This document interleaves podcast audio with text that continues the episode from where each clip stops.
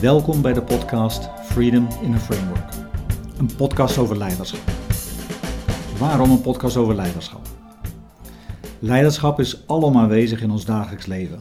In de gezinnen waarin we leven, tijdens onze schoolperiode en in onze volwassen werkelijkheid in bedrijven en organisaties. Daarmee heeft het een permanente en directe invloed op ons leven en op ons welbevinden. Mijn naam is Arie Pauw. In de afgelopen 25 jaar heb ik als zelfstandig consultant nauw samengewerkt met leiders in organisaties, veelal internationale organisaties. En in deze projecten ben ik samen met hen nauw betrokken geweest bij de uitdagingen van hun leiderschap. Daarbij stonden bijna altijd twee vragen centraal. Wat wil ik doen en hoe krijg ik het gedaan? En mijn ervaring is dat de meeste leiders geen probleem hebben met de wat-vraag. Dat is hun expertise, vele jaren zijn ze al actief in die markt, dat weten ze wel. De cruciale vraag, waarnaar mijn ervaring leiders telkens weer mee worstelen, is de vraag: hoe krijg ik de mensen, zeker grote groepen mensen, met me mee? En deze vraag rond het mobiliseren van eigenaarschap en commitment bij mensen om echt ten volle achter de visie van de leider te staan en ook zelfstandig uit eigen energie tot implementatie te komen, die vraag staat centraal in deze podcast. Waarom is dit onderwerp relevant voor zowel leiders als voor medewerkers? Als leider heb je het nodig dat de mensen ten volle hun energie geven om met jou echt die implementatie aan te gaan. Het is niet voor niks dat je al die medewerkers in je organisatie hebt. Als het efficiënter had gekund, tegen lagere kosten had gekund, met minder mensen had gekund, had je het wel gedaan. Dus deze mensen zijn in je organisatie omdat je ze nodig hebt om tot realisatie te komen. En dan kun je maar beter in de situatie komen dat ze daadwerkelijk ten volle hun energie geven. En voor medewerkers is het net zo goed van belang. Want op het moment dat ik als medewerker ten volle eigenaarschap en commitment voel om tot implementatie te komen, betekent dit dat ik mijzelf geïnspireerd voel en uitgenodigd voel om vanuit mijn eigen bijdrage en mijn uniciteit echt ook mijn bijdrage te gaan geven. En dat maakt dat mijn energie vrijkomt en ik het ook echt ga doen. Op zo'n moment ontstaat er met iedereen gezamenlijk die achter de visie staat, ontstaat er kracht voor implementatie. En dat is wat je als leider wilt. En dat is wat je als medewerker prettig vindt. Om dit echt te kunnen doen, dat vraagt aan de ene kant om als leider te begrijpen hoe je grote mate van vrijheid en ruimte geeft aan je, aan je medewerkers. En tegelijkertijd hoe je kaders schept waarbinnen die ruimte en die vrijheid gestalte kan krijgen. En dat is ook de reden waarom deze podcast de titel heeft Freedom in a Framework. Het is een onderwerp dat al heel vroeg in mijn leven, als ik zo terugkijk door de jaren heen, een rol is gaan spelen. En dat wil ik graag ook met je delen aan de hand van twee voorbeelden. Allereerst, toen ik 18 jaar was, is mijn vader zijn baan kwijtgeraakt. Ja, dat was wel een heftige gebeurtenis in mijn leven. Hij was op dat moment, of net eraan voorafgaand, hij was directeur van een groot bureau. Een instituut voor de opleiding van leraren voor het beroepsonderwijs. Hij had die rol gekregen omdat men hem gevraagd had vanuit zijn expertise om in de situatie waarin administratieve en financiële chaos was in die organisatie, de leiding te gaan nemen. Hij stond bekend als iemand die helder was, krachtig kon opereren, daadkrachtig kon zijn en lijnen kon brengen. Na enige aarzelingen heeft hij die rol op zich genomen en is aan de slag gegaan. Het was een organisatie met veel academici. Hij zelf was iemand, self-made man, uh, op, opgegroeid zeg maar, in de Tweede Wereldoorlog, met alle beperkingen die dat had voor zijn mogelijkheden voor onderwijs. In de avonturen heeft hij daarna van alles en nog wat gedaan. Maar hij had zeker geen academische graad. Sterker nog, hij keek ook wel een beetje op tegen mensen met een academische graad.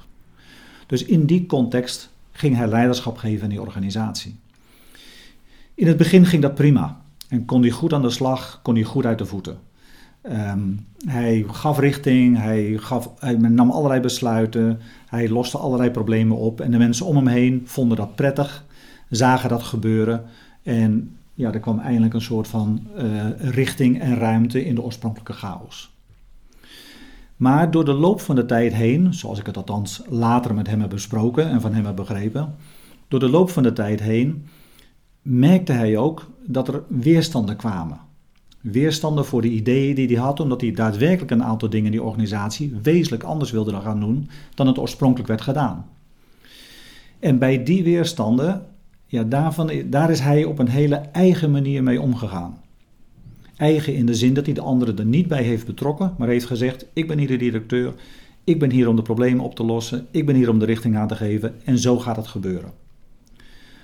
Als gevolg daarvan is door de tijd heen langzamerhand die relatie tussen hem en de anderen verslechterd. Zijn de anderen steeds minder gaan accepteren hoe hij bezig ging. Zijn ze erover gaan klagen bij een bestuur van die opleiding. En op een gegeven moment heeft het bestuur ook gezegd tegen mijn vader: Sorry, het gaat niet meer op deze manier. Je moet er gewoon mee ophouden, het spijt ons, maar het is niet anders.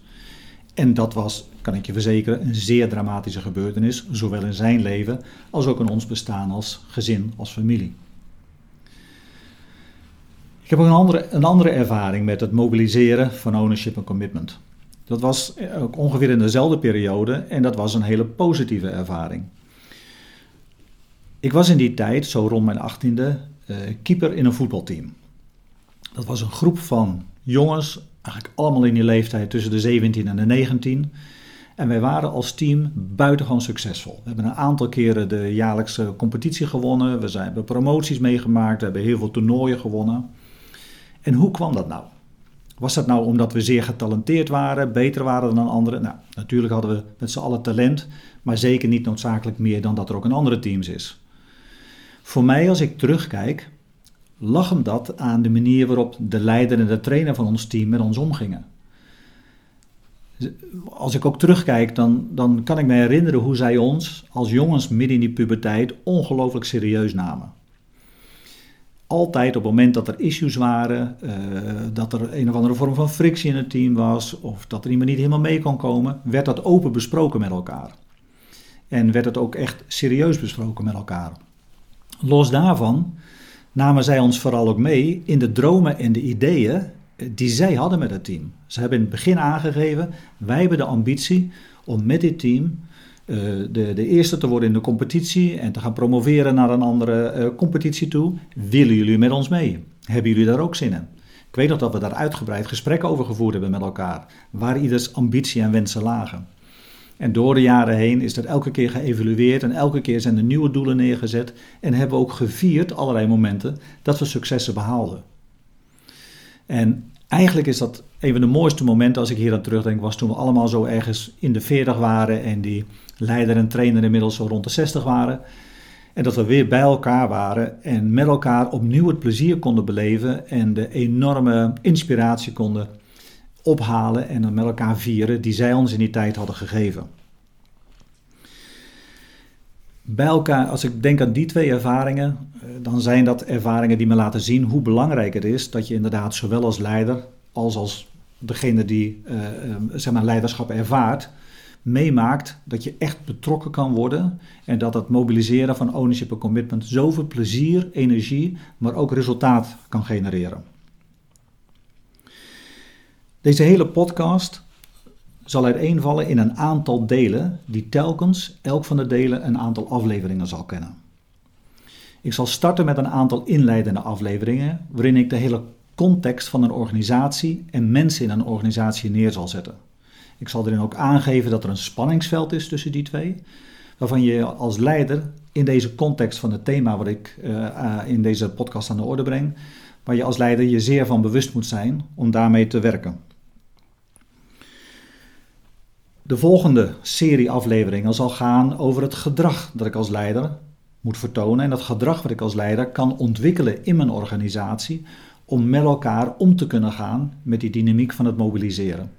Het centrale thema in dat gedrag zal zijn aan de ene kant de healthy friction, echt een gezonde frictie. Aan de andere kant zal het zijn de discussie. En hoe heb ik nou een kwalitatieve discussie met elkaar? De derde serie afleveringen die gaat over het creëren van een framework. Want natuurlijk, de vrijheid die ik moet geven aan mijn medewerkers, dat is al besloten in de titel van, dit, uh, van deze podcast, moet begeleid worden door het frameworks waarin dat allemaal plaatsvindt en hoe dat allemaal plaatsvindt. Dus de frameworks en de belangrijke aspecten die de raamwerken van een organisatie moet vertegenwoordigen, ga ik dan in een aantal afleveringen bespreken. De vierde en de laatste serie afleveringen zal gaan over de persoonlijke ontwikkeling van leiderschap.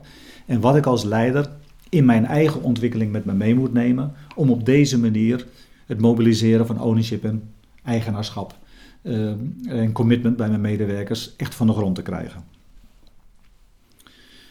Ik zal je een voorbeeld geven uit mijn eigen praktijk, wat wat mij betreft altijd illustrerend is en wat de kracht hiervan laat zien. Ik was, ben jarenlang nauw betrokken geweest bij de ontwikkeling van een organisatie, die op een gegeven moment in een fase was van, een, uh, van het weer herzien van hun strategie. En het moment waarop ik, waarover ik spreek, is een moment waarop zij in een ochtend die een strategieproces van ongeveer drie maanden aan het afronden waren. En we in de middag met het managementteam door zouden gaan over de ontwikkeling van hun samenwerking als team, etc. Het laatste uur van die ochtendsessie zat ik daarbij. En zoals de, uh, de MD van dat bedrijf inmiddels gewend was, stelde hij aan iedereen de slotvraag: Vertel nog eens even tot, tot, slot of al samenvattend, wat vind je van de strategie? Nou, dat rondje makend kwamen daar heel veel zeer positieve en krachtige reacties. Ik vind het een fantastische strategie, ik vind het een heldere strategie. Uh, ik vind het een inspirerende strategie. Ik vind het een, een hele competitieve strategie. Ik vind het beter dan wat ik bij een van onze concurrenten ook zie, et cetera. Eigenlijk alleen maar dat soort van antwoorden op die vraag: wat vind je ervan? Toen de ronde afgelopen was, vroeg ik aan de MD: mag ik een tweede vraag stellen? Nou, prima, zei hij. En ik zei: hoe voel je je bij de strategie? Ja, toen kwamen er heel andere antwoorden. in één keer kwamen mensen naar voren als van ja, ik, ik, voel het wel als een uitdaging. En ik maak me ook wel zorgen op een aantal aspecten, bijvoorbeeld vooral wat betreft de hele fabriekswerkelijkheid die we helemaal moeten ombouwen. Of ik, ja, ik zie toch wel een aantal zorgen of we wel de juiste mensen kunnen gaan recruteren. Of ik zie een aantal zorgen over of ons innovatieproces uiteindelijk wel krachtig en helder genoeg is om daadwerkelijk alle innovaties die we nu in de strategie zetten, tijdig te kunnen realiseren. En op zo'n manier werden in wezen in die ronde, door de vraag hoe voel je je erbij, werden allerlei zorgen, aarzelingen, um, hiccups, projecties daarvan, werden allemaal gedeeld. Aan het eind van die ronde keek de MD mij een beetje bezorgd en verwilderd aan. Van ja, maar wat, wat, moet ik, wat is er nou eigenlijk? Is het nou een goede strategie of niet? Op dat moment werd het helder dat het belangrijk is om, wanneer je mensen mee wilt krijgen, om fundamenteel twee vragen te stellen. Wat vind je ervan en hoe voel je je erbij? In het middagprogramma hebben we vervolgens de agenda helemaal omgegooid. En alle onderwerpen die te maken hadden met de zorg en de aarzeling, zijn we met z'n allen door gaan discussiëren. Het betekende vervolgens aan het eind van de middag niet dat dat allemaal uit de weg was, want die zorg en aarzelingen waren er. Dat was een realiteit van het moment. Betekende wel dat ze met z'n allen uitgebreid die onderwerpen verkend hadden, daardoor veel beter beslagen ten ijs gingen en daardoor zich in hun zorgen en aarzelingen zeer gemotiveerd voelden om ermee aan de slag te gaan. Omdat ze ervoeren dat zelfs het uiten van zorgen en aarzelingen tot een onderling commitment kan leiden van implementatie. En dat het niks anders betekende dan we zijn nu gewoon veel beter beslagen dan ijs en we gaan er tegenaan met elkaar. En dat is dus ook het potentieel wat ik je door middel van deze podcast bij wil brengen en mee wil geven. Dat je echt als je dit op een goede manier doet, op een kwalitatieve manier doet, dat je dan echt ook ten volle de energie kunt gaan vrijmaken bij je mensen. Deze podcast zal uiteenvallen in een aantal delen van telkens een aantal afleveringen. Per groep van afleveringen behandel ik verschillende onderwerpen die te maken hebben met het over, overall thema. De eerste serie afleveringen zal een inleiding zijn en gaat vooral in op de hele dynamiek tussen mensen en organisatie. De tweede serie afleveringen gaat over het gedrag wat nodig is als leider en het gedrag wat je als leider bij je medewerkers in je organisatie kunt ontwikkelen, zodat je met elkaar die dynamiek van uh, bouwen van ownership en commitment ook daadwerkelijk kunt ontwikkelen. De derde serie afleveringen gaat over het framework, de raamwerken. De raamwerken die nodig zijn en begeleidend zijn om het gedrag te kunnen laten plaatsvinden.